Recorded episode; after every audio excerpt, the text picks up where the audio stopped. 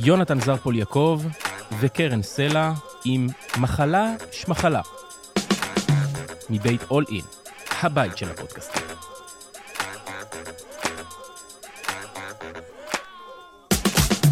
טוב. אז איזה כיף שאנחנו מתחילים. שלום ארז, שלום אהלן, קרן. אהלן. איזה פרק מדהים הולך להיות לנו היום. אנחנו מתרגשים. תשמעו, אני באמת, מתרגש מאוד. מאוד מאוד מאוד. כי יש לך פינה בלב לאורח שלנו, יש נכון. לומר. ארז, אה, אני אתן לו להציג את עצמו, אבל אני רק חייב להגיד שאתה בן אדם, אני גם אגיד את זה בפניך, שאני מאוד תופס ממך. יש לך ידע רוחני שאני לא ראיתי באף מקום, ו, ובאמת, אם יש משהו שאנחנו הולכים לדבר היום, והבאתי אליו את המומחה הכי גדול בתחום, זה להביא את הרוח לחיי היום-יום. Mm. ומפה, ארז, מה שלומך? מצוין, מצוין, תודה רבה שהזמנתם אותי, אני ממש מעריך את זה.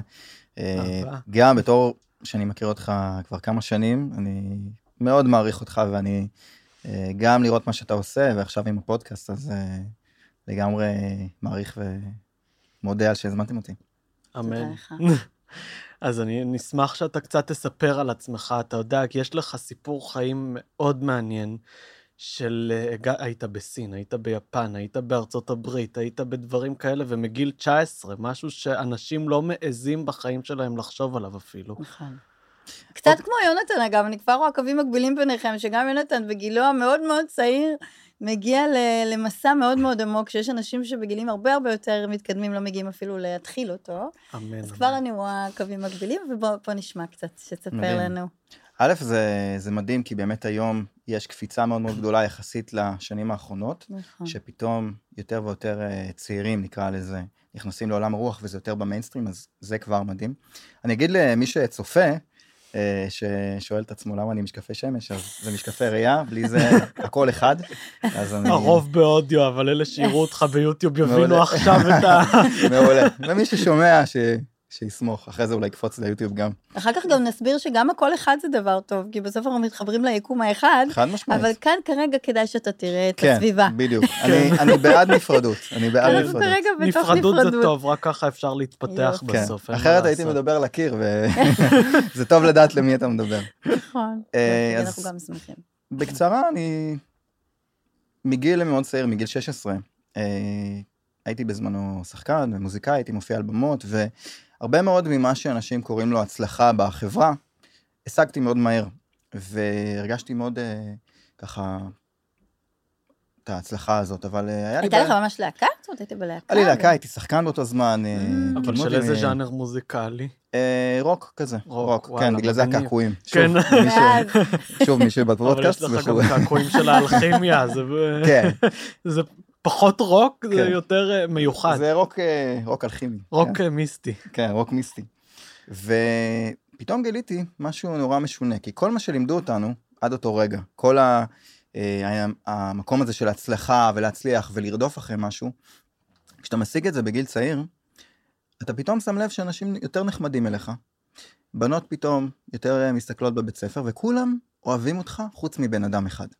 אתה עצמך. Mm, ובאותו רגע אמרתי לעצמי, משהו בתפיסה הזאת שלימדו אותנו, בלרדוף אחרי ההצלחה הזאת, משהו בו לא בדיוק עובד, כי עובדה, אני באתי והשקעתי ועשיתי, אבל אני לא מרגיש את זה.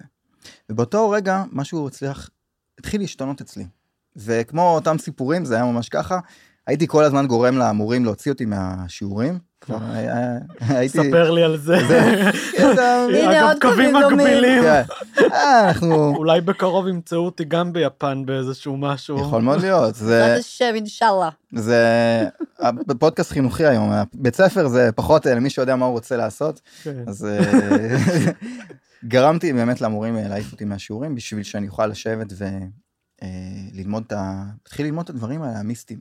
אז הייתי יושב ליד איזה עץ וקורא את כל הספרים של הודו וקבלה. ו... עם מה התחלת? עם מה התחלת? האמת שאושו היה הראשון שתפס. אותי, Mm. אה, שאומנם יש עליו דעות חלוקות, אבל בתור ילד מרדן, זה הדרך שנורא נורא התחברתי אליה אז, ונורא פתחה, כמובן שמאז הרבה דברים נפתחו, הגעתי לנקודה שאמרתי לעצמי, אוקיי, קראתי במשך שנים, מגיל 16 עד גיל אה, 18, אה, קראתי את הספרים השונים בעברית, באנגלית, המסורות השונות, אבל אז אמרתי לעצמי, או שכל הסיפור הזה, הערה והאלה עם הזקנים וכל הדברים האלה שהם נורא כמו איזה דיסני רוחני כזה, הכל טוב, אבל אנחנו בישראל. ואו שזה פנטזיה אחת גדולה, ואני לא פחות בקטע של פנטזיות, באתי מבית רוסי בסופו של דבר. פנטזיות זה נחמד, אבל uh, עד לשלב מסוים, ואמרתי, או שזה פנטזיה, אני משחרר מזה, או שיש בזה אחוז קטן שהוא אמת, ואז אני הולך, אמרתי אז, אני הולך להקדיש את החיים שלי לדבר הזה. ומן הסתם אפשר, אם אני יושב פה, אז אפשר לדעת מה מהשבילים uh, הוביל אותי. ומאז הגעתי למנזר בסין, הלבישו אותי מגלימות, גילחו לי את הראש, אה, בהמשך ליפן, ארה"ב, אירופה, הכל במטרה למצוא את השיטות האלה, את המאסטרים האלה, לראות בן אדם שבאמת בעיניים שלו, אפשר לראות שהוא חי את הדבר הזה, הוא לא קרא על זה בספרים, הוא לא רק ראה את היוטיוב, הוא לא, אה, ש... מה שאני קורא לו, לשנן את התפריט. הוא גם לא רק מדקלם את מה שהוא אומר, הוא פתאום אומר את זה מתוך איזושהי הבנה עמוקה. ואתה mm-hmm. רואה את הבן אדם יכול לצחוק על זה, ויכול לדבר בהומור על זה, ובאותנטיות ובחופשיות. בסוף הרי רוח זה דבר מאוד פרקטי, נכון? כי זה, כן. לא, זה לא כל התפיסות הרוחניות הגבוהות והזה, זה להביא את זה לפה. ואם אתה לא חי את זה, אתה סתם. אתה... נכון. אה, כשאנחנו, יש שלבים שונים בדרך. כשאנחנו מתחילים, בדרך כלל, אנחנו מסתכלים על הסביבה שלנו והעולם בסבל. אנחנו עכשיו בישראל, אז אנחנו בשיעור המתקדם, מה שנקרא. אנחנו מסתכלים מסביב ואנחנו רואים סבל. ופתאום כשאנחנו מגלים משהו שמדברים על אור ומדברים על אהבה ומדברים על כל הדברים הגבוהים האלה, זה נורא מושך. ואז בשלב הראשון אנחנו בורחים קצת מהמציאות. אנחנו טיפה הולכים לאיזה עולם אחר. ופתאום הלב נפתח והכל טוב, והכל מדהים והכל יפה, וזה שלב חשוב ו- וטוב. יש אנשים שנשארים רוב החיים שלהם בשלב הזה, אבל זה עוד שלב. בשלב אחרי זה, אנחנו לאט לאט מתחילים לראות שאנחנו יכולים להיות באור ובאהבה והכל טוב בבית שלנו. אנחנו, כשאנחנו הולכים בתל אביב או באיזשהו מקום, או מישהו צופר לנו בכביש, פתאום מוציא אותם, אותנו מזה, אז מה קורה? אנחנו רוצים לשנות את העולם שיתאים לעולם הפנימי שלנו, וזה לא עובד ככה. לסדר הגבוה וזה בעייתי. בדיוק. אז השלב הבא הוא להתחיל, זה, השלב הראשון נקרא כשהמאסטר, כשהתלמיד עולה אל ההר בשביל להיות מאסטר. mm. השלב השני הוא כשהמאסטר יורד מההר אל השוק. וזה גם הדבר העיקרי שאני היום יותר מלמד, כי עולם הרוח נהיה יותר במיינסטרים, אז אני שחררתי מהשלב הראשון בלימוד שלי, אני, יותר התשוקה שלי זה ללמד את השלב השני, איך להביא את זה לפה. איך להביא את כל האור והדברים האלה שהם קיימים. לפה ליום יום, כשבשוק אה, צועקים מלפפונים ועגבניות, וכל אחד צועק משהו אחר, ולכל אחד יש את השפה שלו ואת ההבנה שלו, והתפקיד שלה, כש... כשהמאסטר יורד מההר אל השוק, זה להתאים את עצמו לשוק, להתלבש קצת שוק, לדבר קצת שוק, לא לדבר רק את הגבוה גבוה, כי כשהגעתי לארץ והתחלתי ללמד על כל הדברים הגבוהים, דיברתי על ההערה וכל הדברים האלה מסין ומיפן, בסוף היה שקט, 40 אנשים. ומישהי אחת הרימה את היד ושאלה, אבל איך זה עוזר בסקס? שאלה רלוונטית. לגמרי. גירדתי את הראש והבנתי ש... אוקיי. משהו פה צריך להשתנות. צריך להוריד את, הידע לקרקע ו... אני חושבת אבל שזה זיקוק וזיכוך מאוד אה, אמיתי. כי אני חושבת שבסוף האמת הכי הכי גבוהה היא הכי הכי פשוטה. ואני חושבת שהגבוהות גבוהות הן גם איזשהו שלב שלנו, בתוך האבולוציה שלנו, של ההפנמה של האור הזה, ואנחנו חושבים שאנחנו יודעים למטה כדי להסביר לאנשים איך, איך לטפל ביומיומיות, אבל בסוף אנחנו עולים גבוהה גבוהה כשאנחנו מצליחים להכניס את זה לתוך היומיומיות. Mm. משהו לפי דעתי הולך ו- ומתפתח גם אצלנו, זה דבר אחד. וגם רציתי להגיד לך שאמרת שהתחלת מהשלב השני, שהמאסטר יורד אל השוק, אבל אני חושבת שזה שהם הגיעו אליך, הם בעצם כבר עברו את השלב הראשון. כן, חד משמעית. אז בעצם, פשוט זה כמו שאתה אומר, עם הזמן התהליכים פשוט נהיים יותר מהירים. כן. אז אנחנו באמת כבר, יש לנו את המכונות, הלב הפתוח, התודעה שמחפשת לעניין והתרחבות, והנה אנחנו מגיעים לשלב השני בצורה יותר רחבה, זה מקסים איך שאתה מסביר את זה, כי זה באמת נורא עושה סנס. ל, ל, כשהאור הוא למעלה, זה כמו שאנחנו אומרים ברופאים, הפתולוג יש לו את הכי הרבה ידע, אבל הוא כבר מגיע מאוחר מדי. אה. אז אנחנו, רוצים להגיע בזמן לתוך החיים ולהכניס בהם את האור, אז זה מקסים, אז אנחנו באמת נורא רוצים לשמוע איך זה קורה. גם באיזשהו מקום השוק מגיע אל המורה. וגם זה מזכיר לי איזשהו משפט מאוד יפה שאיינשטיין אמר, ש... אה, איך הוא אמר את זה? נו, עכשיו שכחתי. אז זה יבוא. יבוא אחר כך. שווה MC ההערה. כן, אה, הם שווה... כן. אה, שאם אתה יכול, אה, כאילו, אם אתה מבין משהו באמת, אתה יכול להעביר אותו גם לילד בן שש. Mm, כאילו, אתה נכון. ממש יכול להקליל את זה. ובאמת, כשמדקלמים זה עוד... כי זה רק הגיע אליך, אתה רק נכנסת לתוך הידע, אתה נהנה, אתה מתחיל אה, לדבר, ופתאום כשאתה ממש מבין את זה, אתה נהיה הבן אדם החופשי. לגמרי. יש, יש משהו גם נורא יפה במה שאמרת, המקום של הילדים.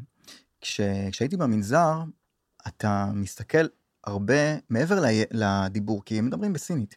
אתה מתבונן. הרבה ילדים, ככה הם לומדים. אבל אני, הייתי אז בן 19, אז זה הדרך שלי ללמוד, והתבוננתי על הנזירים השונים, אז זה יותר יותר רציני, וגם שם יש את ה... כמו היררכיות וכל הדברים, אבל הנזיר הזקן, בין איזה מאה עם הזקן הגדול, שכולם ככה מכבדים, הנזיר הזקן של המנזר, כשהוא היה נכנס, הפנים שלו היו קורנות כמו ילד, והוא היה מדבר ומסביר על הדברים הכי גבוהים, וכשהיו מתרגמים אותו, הוא היה לוקח שוקולד שהבאנו, ובדיוק אז יצא אייפון, אז הוא התלהב מהאייפון שאפשר לצלם, והוא היה כמו ילד. והיה שם רגע אחד, יש משהו שנקרא במיסטיקה, אה, חניכה מ-mind to mind, כמו סוג של טלפתיה. הסתכלתי לו בעיניים, לא עושים את זה מסין, אבל ישראלי בכל זאת. אה, ובאמצע טקס מאוד גדול הוא הסתכל והוא פשוט הראה לי את איך הוא דרך העיניים שלו רואה את, את כל המקדש הזה. הפסלים השונים יש להם משמעות, זה לא רק בשביל היופי, וראיתי דרך העיניים שלו שזה כמו מגרש משחקים בשבילו, כי הוא חי את זה כבר כל כך הרבה שנים, שהעשייה שלו היא כבר לא ממקום אה, שהוא חייב, אלא ממקום שזה בא מאוד מהלב. ויש, אני חושב שזה היה מיכלנג'לו שאמר שבחצי הראשון של החיים הוא ניסה להיות אומן גדול, לצייר כמו אומן גדול, ובחצי השני לצייר כמו ילד. Hmm. ויש משהו מאוד מאוד נכון גם ברוחניות, רוחניות יש אנשים שמסתכלים על זה מגישות שונות, יש יותר מדעית, ואז מדברים פיזיקה קוונטית, וזה כי אנחנו בעולם הערבי יותר מדעים, אני מאמין במדע, אבל, לא, אבל אם אפשר לסנכרן לי את זה עם המדע, אז אני אאמין לזה. אני בא יותר מעולם האומנות. וזה אומר שיש שלב ברוח שדברים הם טיפה מעבר ללוגיקה, מעבר למיינד, ואנחנו נהיים קצת כמו ילדים. ילדים לא ילדותיים, באנגלית זה נקרא childlike. ילדותיים זה מישהו שהוא חסר אחריות, ילדים זה איכות של הלב שמתעוררת. ואז מהמקום הזה, יש באמת את הפשטות הזאת. הפשטות הזאת, בן אדם יכול לתרגל כל החיים בשביל להגיע. זאת אומרת, כמו שמיכלאנג'לו, כל החיים היה צריך לתרגל בשביל להגיע לאיכות הזאת, ואז יש את הפשטות. והאתגר הוא, כשאתה בא ללמד את הפשטות, אז פה בעצ- בעצם האתגר, כי זה נכון, זה נורא נורא פשוט, אבל בו זמנית, אה, בגלל שזה שונה מהדרך שבה אנחנו לומדים, זה לא ליניארי, זה לא דרך המיינד, זה דרך הלב, אז משהו שונה. אני קורא לזה, עכשיו בקורס שלי שאני מלמד, אני אומר, אם אתם באים למישהי שמבשלת איטלקייה, והאוכל האיטלקי הוא טוב, איזה כזה אימא איטלקייה ככה שאוהבת לבשל, והיא, והיא מכינה אוכל מדהים ואתה אוכל ואתה אומר, ממא מיה. ואתה אומר, תני לי את המתכון, והיא אומרת לך בשמחה, והיא נותנת לך את המתכון, והיא רושמת לך ממש דבר, ואתה מכין, ואתה נותן לחברים ואומרים, זה לא אותו דבר, זה לא מממיה. זה לא ממא מיה. ואז אתה שואל אותה והיא אומרת לך, הנה זה מה שעשיתי, ואתה לא מבין. ואז כשאתה בא ואתה חי איתה, פתאום אתה שם לב שהיא עושה משהו שהיא לא, היא לא שמה לב בכלל, היא שרה בזמן שהיא מבשלת. Mm.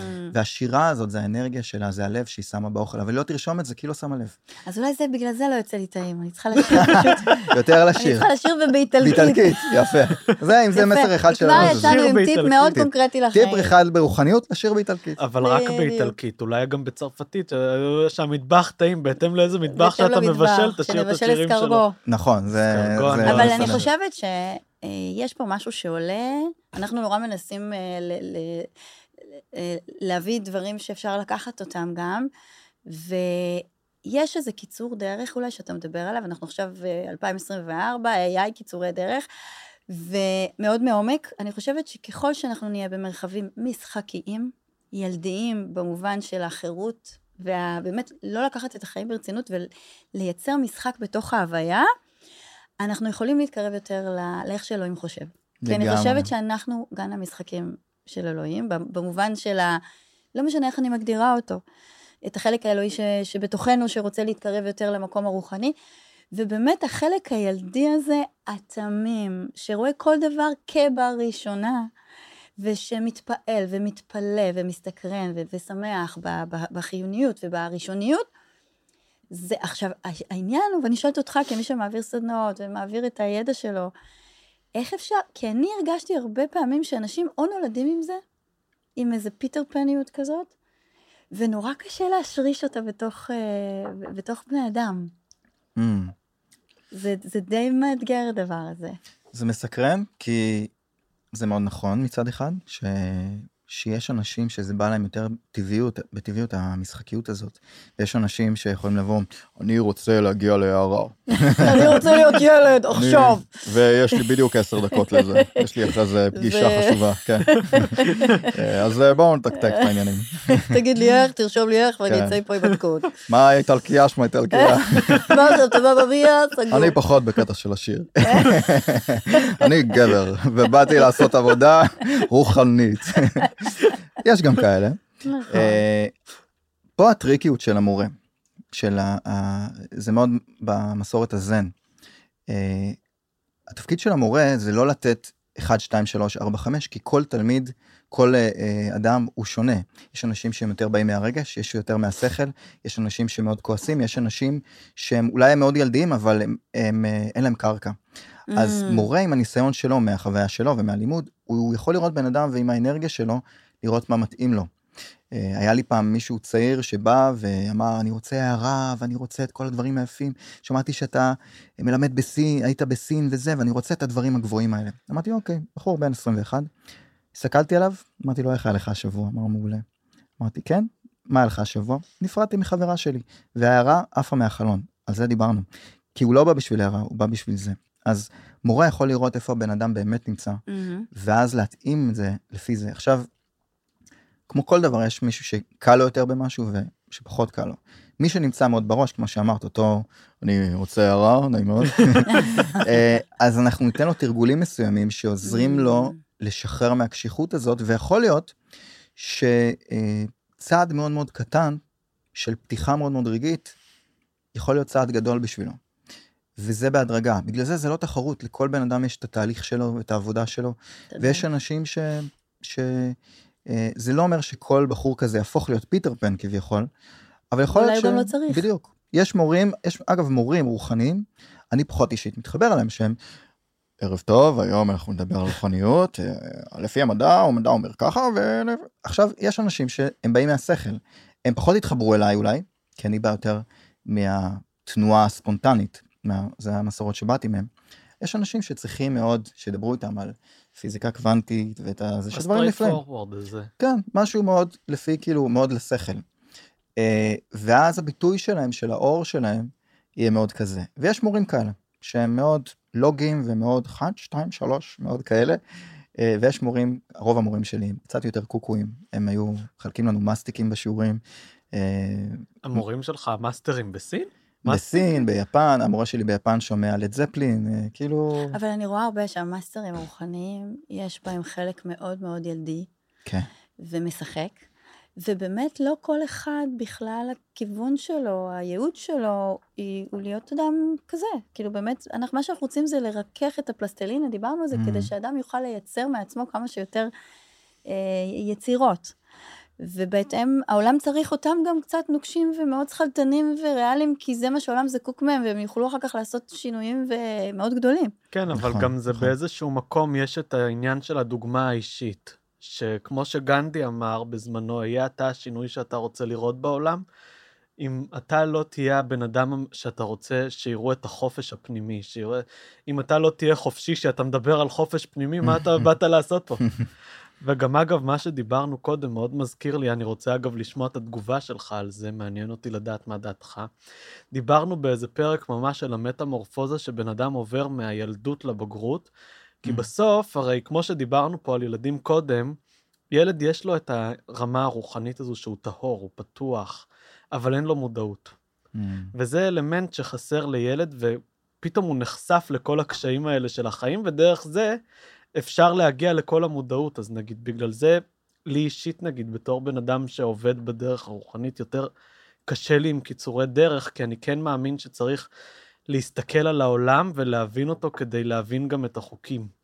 מה אתה אומר על זה? יש איזה משהו מעניין בקיצורי דרך. כשבעיקר כשאתה צעיר אתה מאוד מחפש את הקיצורי דרך. יש משהו שאפשר באמת אה, לקצר את הדרך, ואחד מהדרכים זה כמובן גם למצוא מורה. זאת אומרת, כשאנחנו הולכים בדרך מסוימת, נכון. אם אני נמצא אה, באיזשהו מקום מסוים בטבע, ועל איזה הר, ויש המון שבילים, ואני הולך עם אה, משהו שמכסה לי את העיניים, אז הסיכוי שלי לבד להגיע לקצה ההר הוא, הוא לא גדול, אבל אם יש מישהו שעבר את הדרך, אז הסיכוי שלי יותר גדול. אבל עדיין, יש את הסיפור זן המאוד מוכר של התלמיד הצעיר שבא למורה ואומר, אני רוצה להגיע להערה, כמה זמן זה ייקח? אז הוא אומר, בערך 20 שנה. אז הוא אומר, אם אני ממש ממש אתאמץ, ממש ממש אתאמץ, כמה זמן זה ייקח לי? אה, במקרה הזה 40 שנה. אה, אוקיי, אז אני ממש ממש אתאמץ, אתאמץ, אוקיי, במקרה הזה 70 שנה.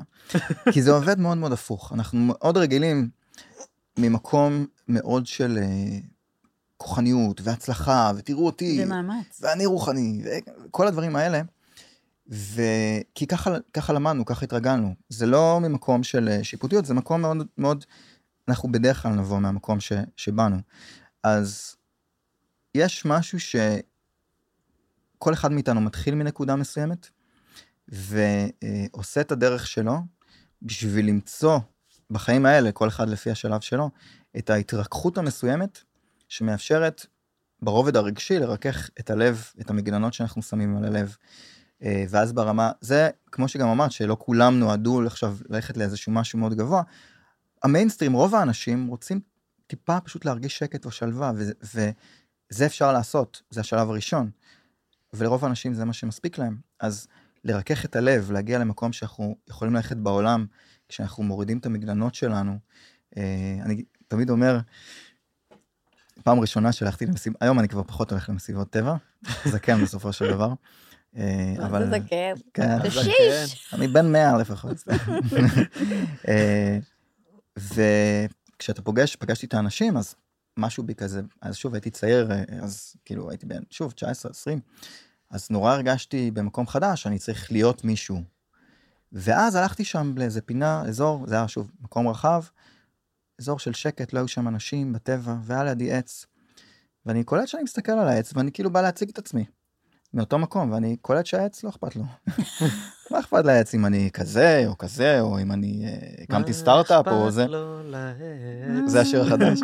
מה אכפת לו ציפור. אה, יש שיר כזה. אה, אתה לא מכיר? שיר. מהמם כזה. כן, אז אז זה כנראה מה שהעץ שר לי. ובאותו רגע כל הפרסונה הזאת ירדה, ופשוט החוויה הזאת, מה שאנשים אומרים, להיות אחד, זה מה שהיה, כי ברגע שהמגננות יורדות, האישיות, שיש לה מקום, אבל פשוט לא צריך אותה באותו רגע, הסתכלתי על העץ, הסתכלתי על מסביב, ולא היה באמת הבדל ביני לבין הטבע, וחוויתי מה שאנשים קוראים לו הכל אחד. אה, ו- ואז אתה רואה את הבדיחה שבכל זה, כמה אנחנו משקיעים כל כך הרבה אנרגיה בלהיות מישהו. עכשיו זה נורא מובנה בחברה שלנו, אז אנחנו רגילים לזה. לפעמים אנחנו צריכים את זה, אני אומר, כשאנחנו הולכים לדואר, ואני רוצה לשלוח דואר, אני לא אומר נעים מאוד, אני אחדות אחת, ש... אה, אחת עם הכל, ואני רוצה לשלוח לאחדות השנייה בפתח תקווה. אני אומר, אני ארז, אני מפה ופה, ואני רוצה לשלוח לשם. אנחנו משחקים את המשחק. הרבה פעמים אני רואה אנשים אה, אה, אומרים, לצאת מהמטריקס. לצאת מהמטריקס זה לא בעיה, העניין הוא להיכנס למטריקס בחזרה ולשחק, כמו שאמרת, לשחק, לשחק פה בתוך, בידיעה שאנחנו לחוות את האחדות מבפנים, אבל לשחק בתוך הנפרדות. זה המאסטר שיורד מההר אל השוק. ו... כי לדבר על אחדות ולחוות אחדות ולדבר על שנטי בנטי, אבל אם מול- מולך אדם סובל, הוא אומר איזה שנטי בנטי, על מה אתה מדבר, אני סובל, אנחנו לא נגיד לו, חביבי, הכל זה אשליה. לא, אנחנו נרגיש אותו, נחווה ונדבר עליו מהמקום שבו הוא נמצא. לגמרי. אני לא אגיד לאנשים באפריקה, בואו תעשו יוגה וריטריטים, כשאין להם מה לאכול ומה לשתות, וכשהם אה, רדופים באמת באיזה סבל מאוד אה, אה, הישרדותי. וכשאתה מדבר, זה פתאום העלה לי, אני מגיעה מהשדה הקליני של הפסיכולוגים, ואני, כשבאתי ללמוד אצל נאדר, הייתי המומה. כי אני רגילה, כשאני באה להרצאות, יש את המרצה, ויש את הזה, ו- והכל נורא פורמלי, ויש ידע שהוא בלתי רגיל, אבל יש עבודה מאוד ממקום של אגו והיררכיה. ואני מגיעה לנאדר, והמרצה באה ואומרת, תגידו, איך הסקיני יושב עליי? אני אחרי לידה, אני בולט לי התחת, ומספרת מה שהיה לה אתמול. ובהתחלה הייתי המומה, לא ידעתי איך לעכל את הדבר הזה. עכשיו, החלק הביקורתי שלי התחיל להיות מופעל, אמרתי, תגיד, לאן הגעתי? מה הם רוצים? מה זה? ואז הבנתי שכשהם מביאים ידע ואור, הם הופכים, להפור, הם הופכים להיות מודלינג בשבילי. איך אתה יכול באמת למוסס משהו מהמקום הזה של האגו, שאני קוראת לו edge, זה לא אני, edge God out. אתה בעצם, זה החלק שמתרחק מהאלוהות, זה החלק mm. של האגו, ששומר עליי, שאני אשאר בחיים, אבל הוא עוצר אותי מלייצר חיים. ואפרופו איך מביאים את זה לכאן ועכשיו, אתה רואה את זה באנשים שכאילו באמת מדברים על הכל, אין דבר ממעל או מתחת, הכל אחד. וזה אחר כך, בשבילי, האנשים האלה הפכו להיות איזה מודלינג, שאני אחר כך ממשיכה להיות את זה עבור האנשים שסביבי. וזה mm. מקסים, כאילו המחיצות קורסות, ואתה יכול לפתוח את הלב, ובסוף זה קשור גם לפתיחת הלב, זה מהמם. לגמרי, לגמרי. זה... כשאני התחלתי וקראתי את הספרים, שוב, בגיל 16, כל מה שקראתי, התחלתי לחזור על זה. אז כן, האגו הוא לא טוב, צריך להרוג את האגו, פה ושם, כל הדברים האלה. בגיל 16. אנשים אז ב-2006, 2007, אנשים גירדו את הראש, לא הבינו על מה אני מדבר. היום זה קצת יותר במיינסטרים. אבל כשפגשתי את המורים שלי, ראיתי שזה מאוד שונה מהספרים. היו לי מאסטרים שעשינו מדיטציות מאוד מאוד מורכבות ומסובכות, עם אה, נשימה ודמיון ותנוחות גוף, הכל בו זמנית, צריך להיות מאוד מאוד מורכז, והם שמו לנו הוא פתאום אמר, איזה מוזיקה אני אשים לכם? פתאום שם מרלין מנסון, רוק כבד, דברים כאילו. ואז הוא צחק, הוא אמר, אתם חושבים שאנשים מוארים אה, צריכים להתנהג בצורה מסוימת? הגעתם למקום הלא נכון. ומסתלבטים, אני גם היום, אתה יודע, אני כן, מסתלבט המון על עולם הרוח, ואני תמיד, כשאנשים מגיעים לי לסדנות, אני תמיד שואל, אוקיי, לפני הכל, מישהו פה מפרדס חנה? עכשיו שוב, אני אוהב את פרדס חנה, זה הכל באהבה. האמת שלא אה, הייתי שם, אולי תיקח אותי לביקור פעם. שווה, מה שקורה בפרדס חנה נשאר בפרדס חנה. אני אבוא איתך פעם. כן, לפני, קודם את האגו ואז אותי. קודם את כן. האגו. אבל מה שאתה מספר, גם זה קטע, כי אנשים שלא מכירים, גם פרויד למשל אומר, אתה צריך, יש לו את החוקים, הוא כתב את החוקים שלו, וכמה זה צריך להיות מאוד סטרילי. והוא עצמו בכלל לא טיפל לפי החוקים של עצמו, עכשיו אף אחד לא יודע את זה. אנשים קוראים את התורה, אתה צריך להיות בשכיבה, אתה עושה אנליזות, ואסור לך לטפל במטופלים שמכירים, הוא טיפל בחברים שלו, בילדים של חברים שלו, הוא קרא למטופלים שלו לאכול אצלו בבית. עכשיו, ברגע שאתה לא יודע את זה, אתה נשאר באיזה מקום סטרילי, ולא מבין שבסוף מה שעבד בטיפולים האלה, זה דווקא החלקים האלה, הכי מחוברים, הכי אנושיים, הרבה יותר מהתורה עצמה. Mm. אז בסוף האנושות תנצח, כאילו, היא תנצח את הכל. זה מדהים לראות, אבל באמת איך גם עולם הרוח הזה משפיע גם על הטיפול. אפילו על הטיפול במקום שהוא לכאורה מאוד פורמלי, זה ממש משפיע כשאתה רואה מטפל טוב, הוא תמיד לא מתנהג לפי החוקים. נכון. תמיד. וגם במוזיקה שאתה... הנה, אחד כזה. רוצים סוד? יאללה. היה לי פעם שמישהי אה, באה אליי, והיא אה, מאוד התאכזבה מעולם הרוח, מדברים שונים, הייתה בדברים שונים. ו... אה, וישבה ככה, היא שמחה עליי, כאילו, היא הרגישה, אוקיי, זה מישהו שאני יכולה לסמוך עליו. וראיתי בה באמת, בן אדם מאוד טוב, אנרגיה מאוד טובה, אבל כנראה באמת התאכזבה ופשוט ישבה ככה. היא אמרה, אוקיי, אני רוצה ללמוד איתך, אמרתי, מעולה, אני הולך ללמד אותך אה, אה, תרגול מאוד סודי, שלמדתי במנזרים בסין, אבל אל תגלי אותו לאף אחד. מוכנה? אוקיי, אוקיי. תעשי ככה. מוזמנים לעשות איתי. יאללה. נשימה עמוקה, ואז ככה. אוי, זה התרגול האהוב עליי, מה זה? באותו רגע... אני יכול להישאר כן. ככה במודרה הזו כל היום. עכשיו יש רגעים שאנחנו צריכים להיות קצת ככה, ובאותו רגע היא פשוט התחילה לצחוק, ואני שרפתי. יש רגעים שאתה רואה בן אדם, אתה יכול לחשוב מה אני הולך ללמד אותו, ופתאום אתה רואה את הבן אדם ואתה אומר, וואו, זה מה שהוא צריך, זה כל מה שהוא צריך כרגע. ו... וזה באמת היופי, ב... והיא בחורה מדהימה, ובאותו רגע נפתחה, והלב נפתח, ו, mm-hmm. אה, אה, וזה היופי, כי אנחנו, בסופו של דבר, אני, אני לא קורא לעצמי מטפל, כי אני, אה, כי אני, לא, כי אני לא עושה טיפול. יש כן, אנשים שההתמחות שלהם זה טיפול.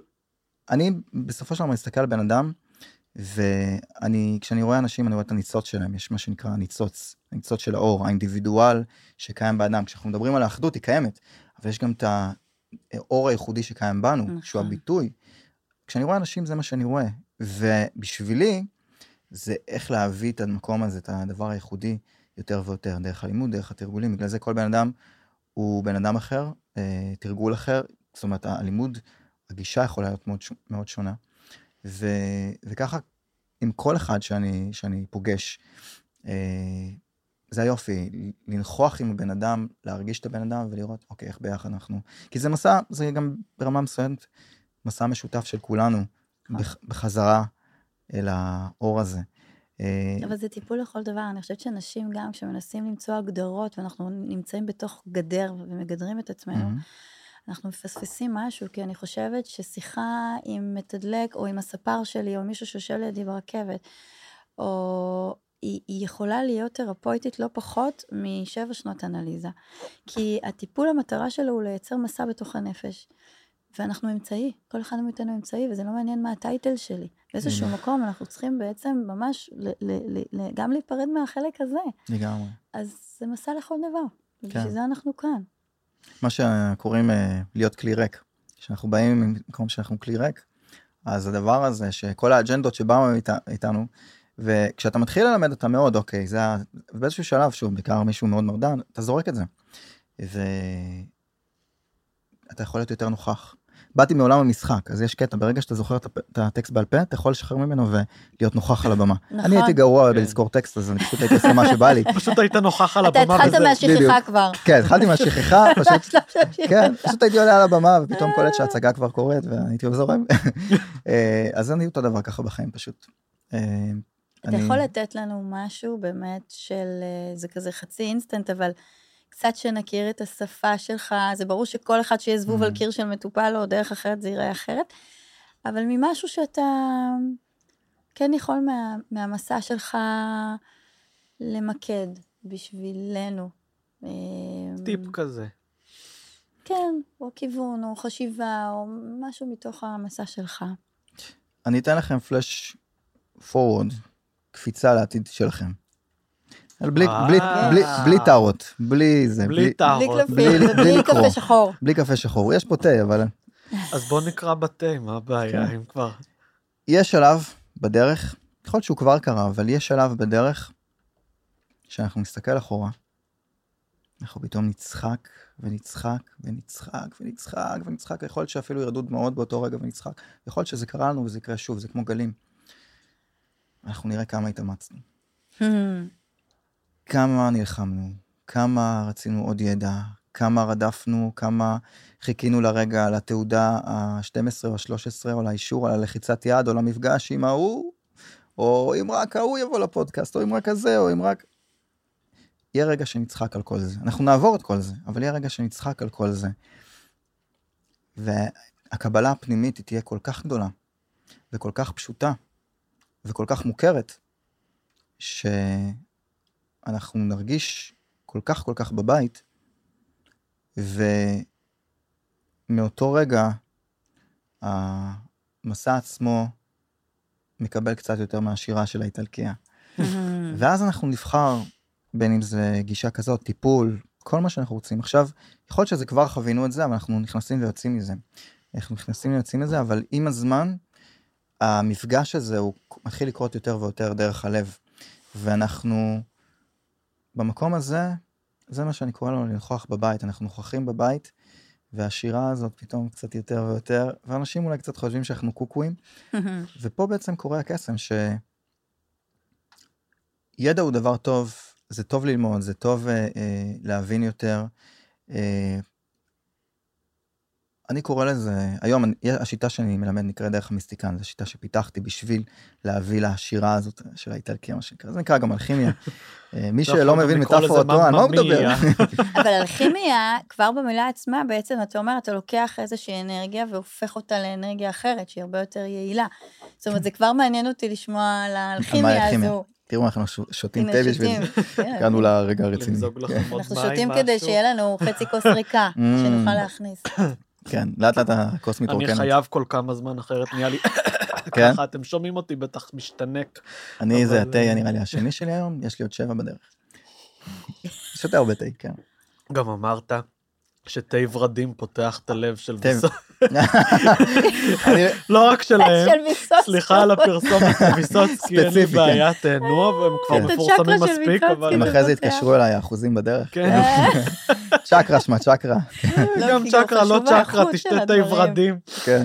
אה, אה, מה הייתה השאלה? אה. אה. אלכימיה, כן, אלכימיה. אה, היינו, אבל רגע, כן. היינו עכשיו ברגע שהוא no memory, no desire, הוא מחוץ לזמן, נכון? וזה רגעים מופלאים, שאנחנו כאילו לא בתוך משהו, נכון? וזה צריך לייצר יותר בחיים. זה קורה יותר ויותר, צריך רק לשים לב ולקחת בחשבון. אני נגיד, כששואלים אותי בן כמה אני, לוקח לי כמה רגעים להיזכר. באמת, הוא יודע. כן, אני זוכר שלי. שואלים אותי לפעמים, ו- מזל, היום זכרתי איזה יום היום, אז הגעתי, אבל בימים לא, כי היית צריך גם להיות ש- בשעה ספציפית, נכון. אחרת אתה מחוץ שבמקרה לזמן. זכרת זהו, שיש. לך יום הולדת וכתבתי לך אפילו ברכה. זהו, אז אה, אה, אלכימיה היא... היום הרבה מילים, הערה, אלכימיה, דברים שהם נורא נכנסו, שוב, אנשים משתמשים בזה, אבל זה, זה לא בדיוק אותו דבר כמו שזה היה במסורות העתיקות. אלכימיה זה סוג של דרך מאוד מאוד עתיקה של התמרה של אנרגיה בשביל אה, להתמיר אנרגיה גסה נקרא לזה, לאנרגיה גבוהה יותר. Mm. הסמל לדוגמה אחד מהסמלים זה הלוטוס שצומח מהביצה והופך להיות משהו נורא נורא יפה. אה, עכשיו הם מדברים הרבה בסמלים אז אנשים תמיד חשבו שאלכימיה זה להטמיר מתכת לזהב והקיסרים הגדולים היו אה, שומעים על נהרות של כספית והיו שותים כספית ומתים. אה, כל מיני מנהיגים, לא כן. הבינו נכון. כשהם, גם כש... היו קוברים אותם בקברים מלאים בכספית שאי אפשר להיכנס עד היום בגלל שזה רעיל. בדיוק, ו- ו- וזה הכל מטאפורות, אבל לא, לא הבינו אותם. עכשיו, הנהרות של כספית זה הערוצים האנרגטיים שלנו, לדוגמה. אה, התמרה של מתכת לזהב, זהב זה הביטוי של האנרגיה הגבוהה שלנו. למה דווקא גבוהה. כספית אגב? אה, זה בא יותר מהאלכימיה המערבית. יש לזה כל מיני שמות. זה אחד אה, המתכות היחידות שבמצב צבירה בטבע היא נוזל. כן. כמעט היחידות. אז יש לה איזה גם אנומליות כזאת כנראה שבחרו. כן. כן, יש, יש, אה, יש לזה את המשמעויות השונות, אבל יש גם את האלכימיה החיצונית. אבל אם אנחנו מדברים על אלכימיה פנימית, בסופו של דבר, יש רמות שונות, וברמה הבסיסית היא איך אנחנו עובדים עם האנרגיה שלנו, שהכל בעצם זה אנרגיה. זאת אומרת, אם עולה בי כעס, זה לדוגמה אלכימיה רגשית, אם עולה בי כעס, ואני יכול להיות נוכח מספיק בשביל לחוות את הכעס, להרגיש את הכעס, ובצורה מודעת להתמיר אותו, את האנרגיה שלו, אני יכול כל פעם להעלות את האנרגיה שלי ולהעלות את האנרגיה שלי ולהעלות את האנרגיה שלי במקום אה, לאסוף אנרגיה ולפרוק אותה, לאסוף אנרגיה ולפרוק אותה. ואז בעצם אני פשוט מגיב לחיים, ממש, ל- לחיות בחיים, לחוות את הרגשות השונים, לא להדחיק אותם, מהמם. לא לפרוק אותם, אבל להשתמש באנרגיה. וזה אני קורא לזה ניהול, זה כמו שאנשים, אה, יש תקציב אה, אה, של כסף, תקציב אנרגטי. אני מנהל את האנרגיה שלי, אני, אני יכול יותר להכיל את האיכויות השונות, וזה בעיקר לאנשים שנהיים רגישים יותר לאנרגיה, אנחנו נתחיל להרגיש את הסביבה. אתה יכול להיות מאוד שמח לשבת ברכבת, פתאום מישהו כועס, אתה מתחיל להתעורר בך כעס. נכון. אבל אם אתה מודע לאנרגיה, אתה יודע שזה בא ממנו. אבל איזה קשה זה שאתה עכשיו מתעצבן, כי מישהו עצבן אותך, ולקח לך ופגע בך, ולך עכשיו תעשה התמרה, כאילו, דבר אחרון שבא לך, כאילו, האינסטינקט הוא הפוך. בא זה לך לזרוק קשה. צלחת על הקיר. בדיוק, אתה רוצה ו- להטמיר את הכוס הזאת בראש שלו, זה מה שבא לך אז להתמיר. דבר ראשון, יש לנו קודם כל את התרגיל שלמדנו, לוקחים נשימה עמוקה. זה תרגיל שמאוד שווה לעשות בבית, כן. בדיוק. המלצה... מי שבפודקאסט חיובית. מפספס את ה... לראות איך לתרגל כן, אותו. מי שלא מקשיב. אה, כדאי לכם רק בשביל התרגיל לראות את זה לראות ביוטיוב, כן. אתם יודעים מה, אני אבקש מהם לשים את זה בטיזרים, ואז במיוחד יראו את זה. מדהים. נקרא לו כן. Fuck מתוד. you. מדיטיישן. Meditation. כן. גם אושו, אגב, שאת מאוד התחברת אליו, אמר The magic of the word fuck. כן, יש לו הרצאה נכון. שלמה על זה. כן. שוב, על מה דיברנו? על האלכימיה, אלכימיה, על הנ- לא, על כמה זה קשה לעשות את ההתמרה כשאתה בעצמי, כן, ואז כן. אמרת שבעצם אתה עובד הרבה עם תרגילים. גם. שכאילו מותאמים באמת לכל אחד למקום שלו ולמה ש... ש... תראה לנו עוד איזה תרגיל נחמד. אני אראה- אני אראה עוד רגע, כי השאלה שלך היא, מה שיפה בה, ונשתדל לכבוד זה, לרוויה. לך, אה, אתם יודעים שבגיאורגיה הם כל היום רק מרימים כוסית. לא הבנתי למה העם הזה הוא כל כך שמח ולמה אני מרגישה פורחת שאני כל הזמן נמצאת שם, שמחים מוויסקי. כי הם לא מפסיקים להודות. הם כל Mm. הזמן, כל שלוק הם בהודיה. תודה לאנשים בחיינו, תודה על השפע, תודה, זה לכבוד הילדים. ואז הבנתי שהאנרגיה הזאת סתם זה עלה לי עכשיו. אגב, תראה איזה יופי, זו התשובה. אני- ואני ארחיב על זה. הנה, התקשור פה מרחף פה. אנחנו חיים בשדה אחד כן, שדה אחד של אה, של תה. של תה. כרגע זה מה שאנחנו שותים. אני אה. השדה הגיאורגי נקרא לזה. אז בהתחלה נכון זה קשה כשאנחנו כועסים ואנחנו מגיבים ישר והעוצמה של האנרגיה כל כך חזקה שאנחנו ישר בתגובה. אבל זה כמו שמישהו מתחיל ללמוד קונג פו הוא עושה שיעור אחד של קונג פו שאם נותנים לך מכה כזאת אתה צריך לעשות ככה וככה ואז הוא הולך ברחוב רוב הסיכויים שהוא לא באמת יגיב ב- באוטומט. אבל אם הוא מתרגל תקופה מסוימת חודש חודשיים חצי שנה הוא מתאמן שבשביל שרגע האמת פתאום אם מישהו יתקוף אותו הגוף שלו כבר ידע מה הוא עושה. Mm. נכון ראיתם קראטה קיד שהוא עושה ככה עם ה... כן. אה, לנגב ככה לנגב ככה ופתאום הוא יודע, הוא יודע את הקונג פו בצורה טבעית. אז תרגול זה רק חלק אחד אה, אבל בתרגול אנחנו בעצם לומדים ל... ליצור במערכת שלנו איכות חדשה שיוצרת מרווח מסוים פנימי עוגן מסוים פנימי שבתוכנו אנחנו קודם כל יכולים להכיל את כל הרגשות שקיימים לנו כעס שמחה כל הדברים האלה ואז פתאום במציאות כשזה קורה אז אני כבר יודע איך זה מרגיש, אני מודע לזה. אני הייתי בדוג'ו, בלחימה זה נקרא, אה, עשיתי את זה שוב ושוב במדיטציה שלי, שכשאני יוצא ופתאום מישהו מכעיס אותי, אני יכול לכעוס פתאום, יכול לכעוס, ויכול להיות שאני גם אגיב, ואז פתאום אני אקלוט, בואנה. אני כועס, אוקיי, אני מרגיש את האנרגיה הזאת עולה, ואני מרגיש עכשיו הדבר הכי חזק בעולם, ויכול להיות שבא לי לצעוק עליו או בא לי זה. ואז אני מסתכל, ואני אומר לעצמי, הוא שווה את זה? זה שווה לי את האנרגיה הזאת? אם, נגיד את זה ככה, אנשים אוהבים כסף היום, זה האלוהים של, של התקופה. אה, אם יש לכם, נגיד, אלף דולר ביום, סתם, אלף דולר ביום, זה מה שיש לכם. אתם מקבלים מתנה מהבריאה כל יום אלף דולר ביום, וזה כל מה שיש לכם. ואתם הולכים, ומישהו מעצבן אתכם ואתם נותנים לו 100 דולר. ואתם עוד מישהו זה ומישהו אה, עקף אתכם ואתם נותנים לו עוד 200 דולר. בסופו של היום אתם נשארים בלי כסף וחילקתם לאנשים הלא נכונים. עם כסף לא היינו עושים את זה. בחיים, עם אנרגיה כן. אנחנו עושים את זה כל יום. יפה. אז זה העניין של התקציב האנרגטי, של להתחיל להיות מודע לאנרגיה שלנו, וגם אני כועס לפעמים, וגם אנחנו אנושיים. אה, אף אחד הוא לא, הכרתי גם הורים שהם מוארים והכל, גם, להם- גם להם יש את, ה, את האנושיות שלהם, אבל איך אנחנו באים לדבר הזה, איך אנחנו ניגשים לאיכויות השונות שקורות לנו בחיים, כמה מהר אנחנו תופסים את עצמנו ובוחרים להתנהל בתוך זה, זה פה בעצם הקסם. איך אמר מישהו? אנחנו באים לאותה סיטואציה, but with style. זה מהמם. כי זה, זה באמת, אנחנו כאילו לא לוקחים בחשבון שאת הדברים הכי חשובים ל-well-being שלנו, אנחנו, כדאי לנו לתרגל בטרם עת. עכשיו, אני אגב אומרת את זה המון להורים ש, שהם אה, מתבאסים שהילדים שלהם חווים אה, חרמות וכל מיני קשיים, ובתוך הבית הוא לא, לא, לא לוקח את, ה, את הספל לכיור, ולמה הוא לא... אני אומרת להם, תקשיבו, פה זה מעבדת חיים. הילדים שלכם עוברים בתוך הבית שלכם מעבדה, שאחר כך זה יהיה מול המפקד שלהם, ובתואר שלהם, ובזוגיות שלהם, ובהורות שלהם. אל תתבאסו שיש פה כאב, ותסכול, וכעס, ו... זאת המעבדת חיים. ככל שאתם תהיו במקום הבטוח והמוגן הזה, תלמדו אותו לווסת את הדברים האלה, ללמוד את הדיבור הפנימי, גם אתם לומדים בתוך הדבר הזה, ככה הם יצאו לחיים Mm. הרבה יותר מוכנים. אז אנחנו לא חושבים על ההמשגה הזאת, וזו המשגה מהממת, כי באמת לראות איך אני מתרגל כבר בתוך המקום הבטוח בשליטה, את המקומות הכי קשים, Mm. ובריל טיים אני כבר, זה לא פעם ראשונה שאני פוגשת את זה, וזה מקסים, וזה באמת עובד. זה באמת עובד. אגב, ארז, יש לי שאלה. אפילו שת... כמה נושאים שאני ארצה להיכנס אליהם אחר כך, אבל אה, מהמם. שאלה חשובה בשביל אחר כך הבן אדם. בשעה הבאה, הבאה, הבאה. לא, יש לנו עוד זמן, מה אכפת לי? שאנשים יקשיבו שאין. אנחנו בזמן גיאורגי. אנחנו בזמן זה גיאורגי. לגמרי.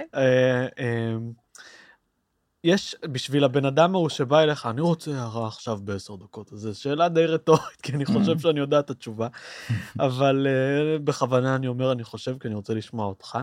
יש שלב שבן אדם מתרגל המון בחיים שלו, והוא מגיע למצב שהוא, פשוט הכל קורה לו באופן טבעי, והוא לא חייב יותר את התרגול כדי שזה יקרה? יש דבר כזה בעולם? אה, זו שאלה טובה. יש תרגולים שונים, ויש שלבים מסוימים שהתרגול הופך להיות חלק מאיתנו. ואז כשאנחנו, אם נעשה את התרגול עצמו, הוא כן, הוא יהיה יותר עוצמתי, אבל בסופו של דבר, וזה גם מה שאני מלמד בדרך המיסטיקן, זה להביא את זה ליום-יום, זה לא רק היכולת שלנו להגיב והכל. כשאנחנו מדברים על דרך המיסטיקן, אנחנו מדברים על מה שנקרא לחוות תודעה יותר גבוהה.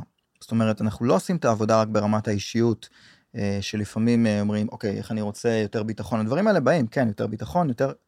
אבל איך להתחיל אה, לעורר משהו שהוא מעבר לאישיות, אני קורא לזה החסד.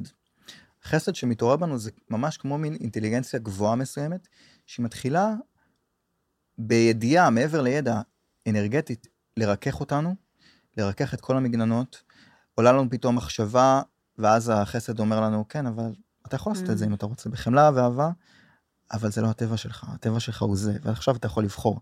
ואז אתה מתמסר לחסד ומתמסר לחסד. דיברתי על זה אתמול, פתאום, שלשום, עם אה, מישהי, ואני קורא לזה, בשבילי אני כמו נמצא בתוך אמבטיה, של אקסטזה, של, של אהבה, של אלוהות. ומדי פעם, כן, דברים מוציאים אותי מה, מהאמבטיה הזאת, ואני שוכח. אבל אז אני מרפא בחזרה לאמבטיה, וכשאני באמבטיה אני לפעמים טיפה זורק קצת לפה מים וקצת פה, ובשביל ככה להביא לאנשים את הדברים השונים. אבל אתה לומד להתמסר לתוך האמבטיה הזאת. זה לא שאתה מושלם או איזה בודה, אתה מתחיל לחיות עם החסד הזה ולהתמסר אליו. וזה איכות שהיא מעבר ל... לאישיות האישית שלי. אתה מתחיל לעשות דברים לא כי אני רוצה, כי בשבילי, אלא יש רצון יותר גבוה. מדברים על זה גם במסורות המיסטיות, אה, שהרצון שלי יהיה הרצון שלך, משווים לזה כל מיני דברים, כל אחד במה שהוא מאמין. אה, אז ברמת התרגול, אם אנחנו הולכים לטנטרה, מי שלא מכיר, אה, אה, טנטרה זה, זה דבר מאוד גדול.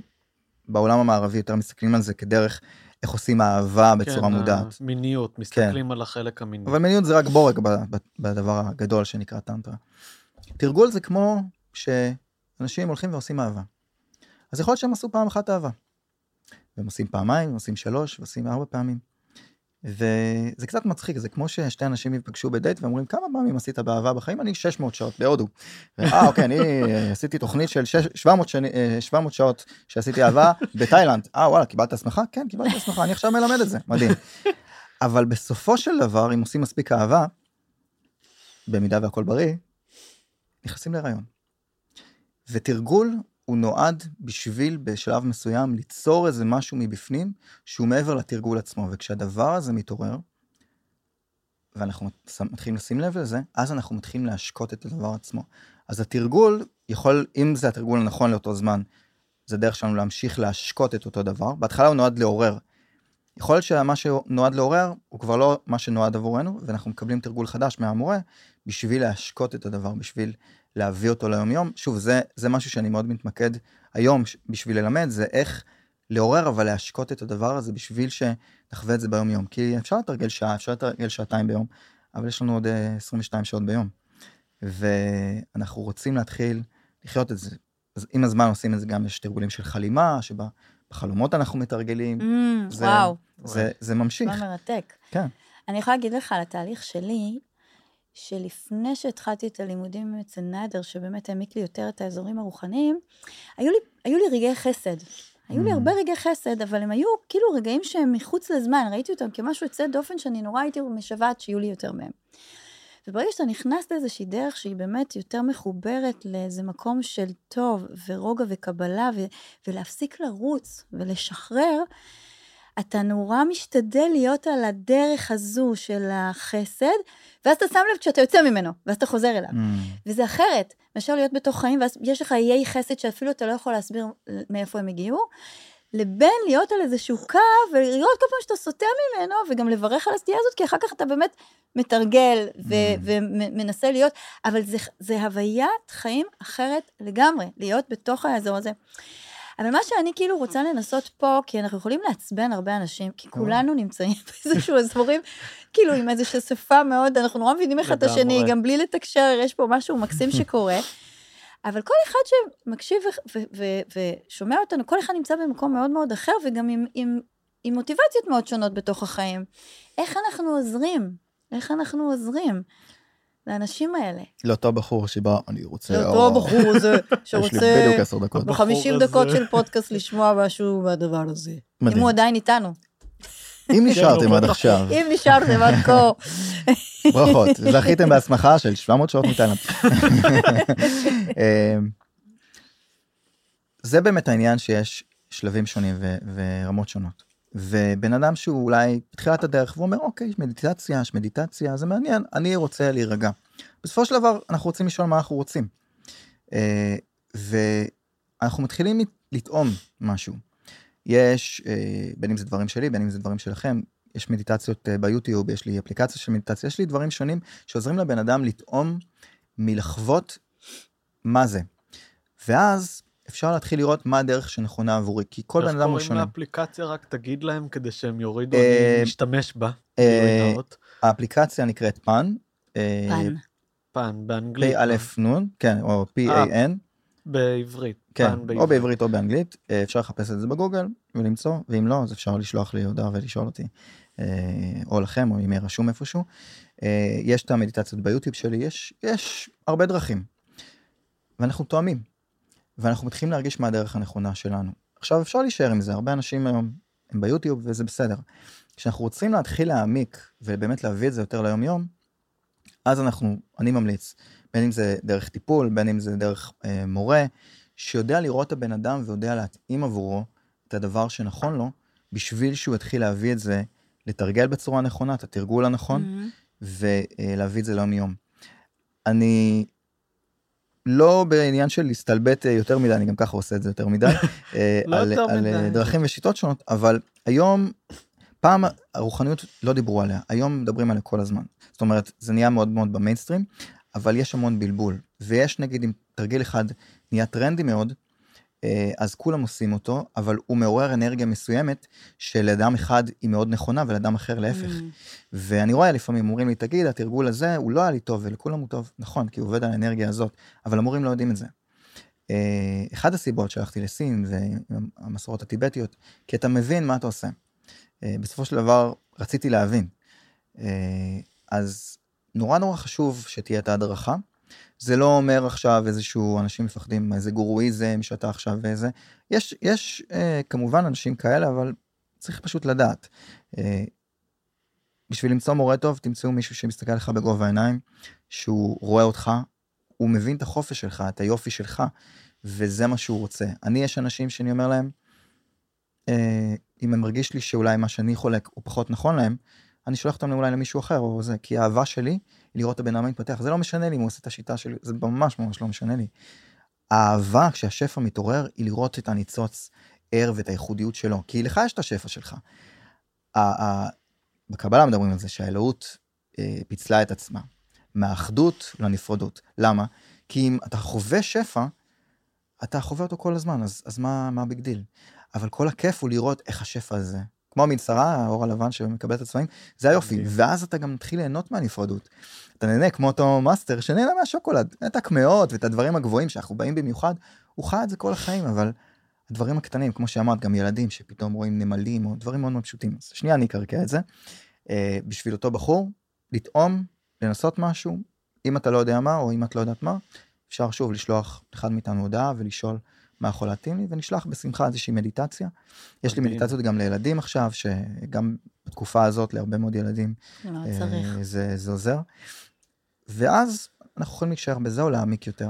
גם ארז, אגב, הבלבול שאתה ציינת, יש, אני רציתי לשאול עוד נושא שרציתי להיכנס, אני לא יודע אם את תרצה להיכנס אליו, אז תגיד לי, של כל, ה- למשל, השיטות הרוחניות של פתאום כל האלה שפתאום אומרים, שלום, אני ממועצת ה-12, Mm. ככה וככה, באתי לתת לך תרגיל מיוחד, השנה יהיה שער הש... הנמלה, השנה יהיה שער החזיר, הש- השנה יהיה שער הרבה, לא יודע, דברים כאלה. מה אתה אומר? בוא נסתלבט קצת. כן, יאללה, מעולה. וקצת... אה, כן, גם את יש לך סרטונים מצחיקים שאתה. עושה עם כל ה... יאללה, אה. הנה עכשיו את באה גם קרן מתחום תראה זה פסיכולוגיה, נכון? מצחיק. כן. אז, אז אוקיי, אז זה הדעה שלי על תקשור. תקשור קיים. הוא קיים ויש רמות שונות של תקשור. מה שבפועל, מה שאני אישית רואה ש, שקורה, תקשור הוא סוג של דרך אה, בשביל אנשים, וזה זה בא לשני הצדדים, גם למי אה, עושה את זה, אבל גם לקהל עצמו. למי שעושה את זה, מה שבפועל רוב הפעמים קורה, לא תמיד יש אנשים שבאמת מתקשרים, ישות או דברים כאלה, אבל מה שבפועל מה שקורה, בן אדם מתקשר עם איזשהו ארכיטיפ פנימי שקיים אצלו. כי אם אני אה, אה, יוסי, אה, מ...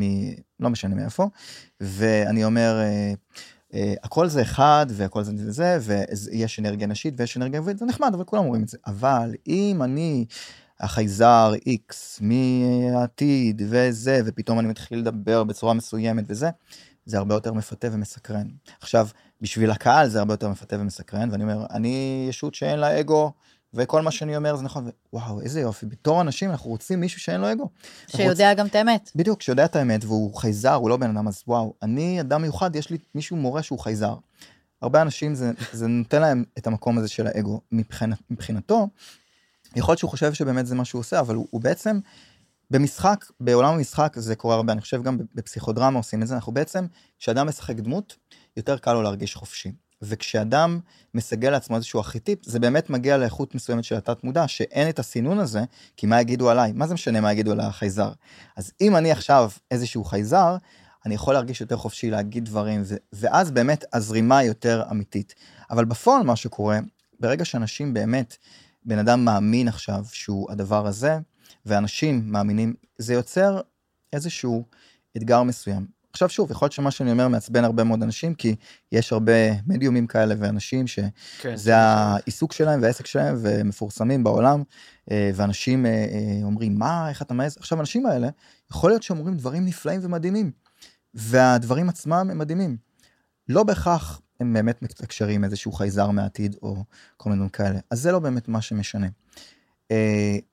זה לגבי התקשור, זאת אומרת, יש, יש הרבה מאוד דברים פרות קדושות אני קורא לזה בעולם הרוח, טרנדים, אה, דברים שאני מאוד מאוד אוהב אה, לעזור לאנשים, למי שפתוח לזה, לשחרר, כי אז אנחנו יותר אנושיים וכנים עם עצמנו ולהגיד, אני לא חייב לתקשר עם איזשהו חייזר, או עכשיו שמשהו יהיה רחוק מהמציאות, אלא אני יכול להיות פשוט יוסי, ולחלוק את הדברים שלי, ומי שיתחבר יתחבר, ומי שלא לא.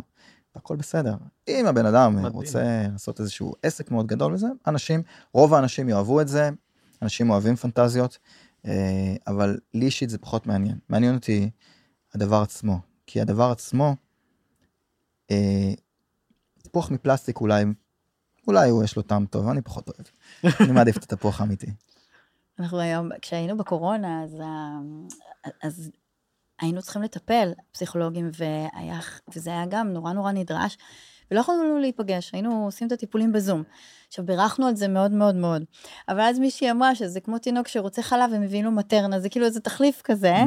שהוא לא באיזה שדה מאוד מאוד קרוב, עושה הרבה. ואנחנו מדברים על תודעה, ואני היום מבינה יותר למה השדות האלה היו מאוד פעילים, ועדיין עברה המון אנרגיה ואינפורמציה, והיה אפשר לעשות שם תהליכים מאוד מאוד יפים. אבל אין מה לעשות, יש משהו כשאתה מוריד את הפרסונה ופוגש את ה... אבל כל אחד באמת בסוף עושה את, מהמקומות שהוא מסוגל, את התהליכים שהוא יכול, זה הכל מדויק. אני חושבת שמשהו באבולוציה של התקשור, שהעולם mm. היום עובר, שאנחנו היום פחות ופחות, אני, אני רואה את זה, שאנחנו פחות נצטרך ללכת למדיומים, mm. ואנחנו נתחיל להיות המדיומים של עצמנו. זה בדיוק זה, זה בדיוק גם הנקודה, זה מדהים שאת אומרת את זה, כי זה בדיוק הנקודה הזאת. אה, כשאנשים מרגישים את הצורך ללכת למתקשר שייתן את התשובות, אה, זה יכול להיות מדהים, אבל זה יכול להתפספס באמת המקום שאני כל הזמן צריך שיקראו לי בטארות וזה, ומה זה מסמל וכל הדברים האלה. ו, ושוב, ותקשור גם קיים, יש באמת דרך המרכז הגבוה האנרגטי שקיים, אפשר לתקשר, אה, יש סמנים דרכים מסוימות לדעת שבן אדם עושה את זה, אני בדרך כלל לא אומר את זה כי... אבל עם מה מתקשרים אגב? כאילו, זה השאלה, איזה ישויות? כן, איך לדעת נכון. שאתה מתקשר עם הישויות החיוביות ולא עם הישויות גם הקצת נכון. פחות... אה, יש מורה שקוראים לו רמדס, שאני mm. מאוד אוהב, שיצא לי, למזלי, יצא לי שנה לפני שהוא נפטר אה, לשוחח איתו, אה, במה שה... הזקנים קוראים לו סקייפ, לפני הזום. ו... אחד לפני, אחרי יונת דואר. כן, בדיוק, כן. ממש. בין לבין יש את אה, דואר ישראל, שזה... אז... אה, טוב, ראם דאס הוא וואו. כן, אז, אז uh, יצא לי לדבר איתו, ו... תזכיר לי מה אמרת? כי שאני אקשר את זה. לתקשר עם הישויות הפחות זהו, אז, אז uh, בהקשר הזה, היה משהו נורא מעניין, שהוא אמר, אם אינסטלטור מת, יום אחד, והופך לרוח לתקופה מסוימת, ואנחנו מתקשרים עם איזה מישהו והאינסטלטור הזה בא, אם אנחנו צריכים עזרה באינסטלציה, זה זה הישות לתקשר איתה. אבל אם הוא מתחיל להגיד לנו שהוא אלוהים ושזה, ואנחנו מתחילים להאמין לו, ושהי, אתה, אתה המשיח, משיח האינסטלציה או מה שלא יהיה, אז אה, פה קצת... פותח סיבות אנרגטיות. בדיוק, בדיוק, אז, אז פה פה, הבעיה. גם פה- אלה שמתחילים. לספר לך סיפורים, אתה, אנחנו מהמועצה הגבוהה של הזה והזה, ואנחנו רוצים לספר לך שאתה השליח היחיד על כדור הארץ שהולך לתת תורה וכל ה... כן, אז, אז, אז מלא כאלה. אני, אני לא אומר שחלק מהדברים האלה הם לא אמיתיים, כי יש, יש אנשים שיכולים להקשיב ולהגיד, מה, עכשיו, הכל בסדר, חלק מהדברים האלה הם נכונים ואמיתיים, וגם אם מישהו זה עוזר לו להאמין בזה, מדהים, מצוין. אה, זה לא, זה לא, המטרה שלי לא באמת להוריד כן, את, ה, ברור, את המקום זה הזה. סתם כדי אלא- לתת קצת מושג. כן, אלא בסופו של דבר להזכיר לעצמנו שגם כשאנחנו הולכים למורים או לדרך כזאת או אחרת, בין אם זה תקשור או אה, אלכימיה או מה שלא יהיה, מורה טוב מחזיר אותנו לעצמנו בשביל שנעורר את הידע, את הידיעה הפנימית שקיימת בנו. זה נכון ש, שחשוב שיהיה מורה דרך. אנשים היום שומעים מורים שאומרים, אתה לא צריך מורה, אתה לא צריך איזה, תם עידן הגורים, ומה שקורה הוא שהלוואי זה היה ככה והייתי אומר את זה בשמחה, כי זה מאוד מוכר, אבל אנחנו כל כך כלואים בכאוס הפנימי שלנו, שאם אין לנו אדם שעשה תהליך מסוים, את העבודה המסוימת, שיכול לנווט אותנו בתוך התהליך הזה, אנחנו, יהיה לנו נורא קל לעבוד על עצמנו. ואני הייתי מאוד, נורא היה לי, שוב, בא- באתי מבית רוסי, אה, אז מאוד מאוד היה חשוב לי לשים לב הדברים שאני לומד, עם מי אני לומד, מה אני לומד, וגם בסופו של דבר, מה אני מלמד. כי כשהיום אני מלמד, אני, אני תמיד יכול, אם מישהו מתעניין, אני יכול לדבר על התפריט, אבל אני יותר ויותר מדבר, מדבר על מה שאני חולק. אני לא מדבר על הערה וכל הדברים הגבוהים, כי זה לא החוויה שלי. אני מדבר על משהו שהוא יותר נוכח, אם מישהו רוצה, יכול לקרוא לזה אה, אחדות, או לחיות מתוך החסד, יש לזה שמות שונים. אבל אני מדבר על מה שאני יכול לחלוק. אה, ובתחילת הדרך, בדרך כלל הרבה פעמים אנשים מדברים על משהו שהם לא באמת יודעים. קראו ספר, הם... אה, אה, וזה, זה, אני קורא לזה אפקט החוזר בתשובה. הוא בעצם מנסה לשכנע אחרים, את, את, את עצמו דרך אחרים. אני פחות, היום שהרוח תגיד לי, זהו, אף אחד לא יבוא אליך, אני אגיד תודה רבה, אני אשתה את השוקו שלי והכל יהיה בסדר. כל עוד הרוח שולחת אליי, שולחת אליי אנשים, אז התפקיד שלי זה לפתוח את הדלת. אבל אין לי צורך לשכנע אף אחד בשביל שמה שקיים בתוכי אה, יתקיים. אני לא צריך לשכנע או אה, להחזיר אנשים ב, מהדרך שלהם או להתווכח איתם. אם מישהו אה, נהנה מהדרך שלו, כל דרך שהיא, אני שמח בשבילו ושמח עבורו. כל דרך, גם אם זה התקשור אה, ש... ש... שוב, לא התקשור הזה, אלא מישהו שבוחר לפנטז או מתקשר עם דונלד דאק או מה שלא יהיה. גם זה בסדר. תקשר עם דונלד הכל דאק. אמצעי. אנחנו הכל כל הזמן אמצעי, בדיוק. הכל אמצעי, אז. הכל- הכל מדויק בסופו של דבר. בדיוק. אז בעצם התהליכים שאתה מעביר זה בדרך כלל באמת יותר בהיבטים פרטניים, או יש גם קבוצות, או סדנאות, איך זה ככה מתגשם בפועל? אז היום אני מלמד, אה, רוב הלימוד שאני מלמד זה, זה דרך הזום. יש לי גם את הסדנה שלי שיש בכפר סבא, יש סדנה נוספת שהולכת להיות בתל אביב באמצע אה, פברואר. וואלה. אה, כן, שזה כזה סדנה כרגע חד פעמית, יכול להיות שהוא יהיה בהמשך עוד בתל אביב. רוצה לבוא. יאללה, תרשום, עוד סדנה מעולה. אז אה, אבל הרוב זה. זה דרך הזום אז השיטה העיקרית שאני עכשיו מלמד הסדנה זה אלכימיה פנימית שזה סדנה של תרגולים שונים של אלכימיה של שממש איך לעבוד עם זה בין אם זה העין השלישית או כל הדברים הגבוהים האלה אבל איך ממש להביא את זה שזה בסופו של דבר כמו שגם אמרת מקודם שאנחנו יוצאים מהחסד וחוזרים אליו. אה, יש מה שנקרא הטאו או האחדות או יש לזה שמות שונים. המורים שלי תמיד היו אומרים שהטאו, האחדות היא ספירלית, תנועתית, מעגלית, ואנחנו מאוד ליניאריים. אז התמצית של הלימוד היא איך אנחנו נעשים יותר ויותר מסונכנים עם התדר של הבריאה, וככל שאנחנו מסונכנים איתו, אז התדר מושך תדר, ואז אנחנו הופכים להיות יותר ויותר אחד איתו, ואז יוצאים, חוזרים, ולאט לאט אנחנו יותר מסונכנים איתו. אה, אז זה מה שאני מלמד, איך לעשות את זה יותר ויותר בסדנה, ובדרך המיסטיקן, שזה הקורס בזום, אה, זה באמת למי שעוד רוצה עוד יותר להעמיק ולהתחיל לחיות, ושם אני באמת עוד יותר מגלה את הסודות אפילו חלק מהם לא לימדו אותי, אלא אני הייתי צריך לגלות בדרך. אה. ונורא מסקרן אותי לראות אנשים שלומדים איך לחיות מתוך החסד הזה, בתוך החיים עצמם, ולחוות את זה. לא רק לדבר על זה, לא לחוות את זה בתור פילוסופיה, אה, לא להגיד, כן, אני קראתי על זה, לחיות את זה. ברגע שאתה חי את זה, אתה יודע את זה. התפריט, יש לו את המקום שלו. אני חושבת שאמרת נורא יפה, שבסוף ההוויה של הדבר הזה, זה איזה מקום של שלווה. כאילו באמת מקום של איזה שקט שאתה הולך, לא משנה מה קורה איתך, זה קשה להבין את זה, בטח ובטח בימים האלה שעכשיו אנחנו עוברים אותם, בקונטקסט שאנחנו עוברים אותם, אבל שלא משנה מה קורה לי מבחוץ, יש בי איזו התקיימות שהיא, יש בה איזשהו שקט, ו...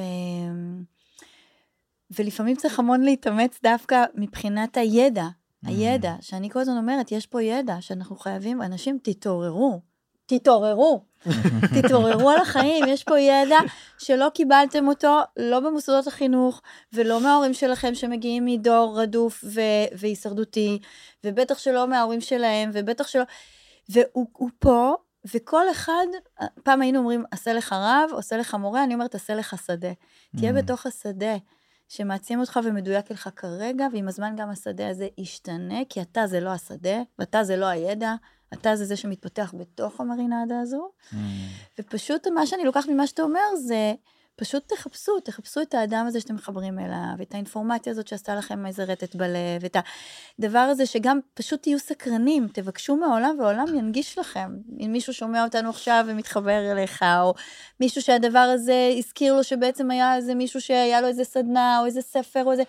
תתחילו לייצר ידע ואתם תראו את זה בלב שלכם, את השינוי שמתקיים, וזה מה מדהים. שאני לוקחת וזה מקסים. מדהים. מדהים. מעולה. טוב, שזה מקום טוב. תקשיבו, היה מעניין לסיים. היום, היה מטריף. אני נהניתי מכל רגע, ארז, תודה. ובאמת, אה, לפני שאנחנו ממש ככה סוגרים את הפרק, אני רוצה להפנות אנשים ששומעים אותנו לעמוד פייסבוק של ארז, ארז רויטבורד באנגלית, נכון?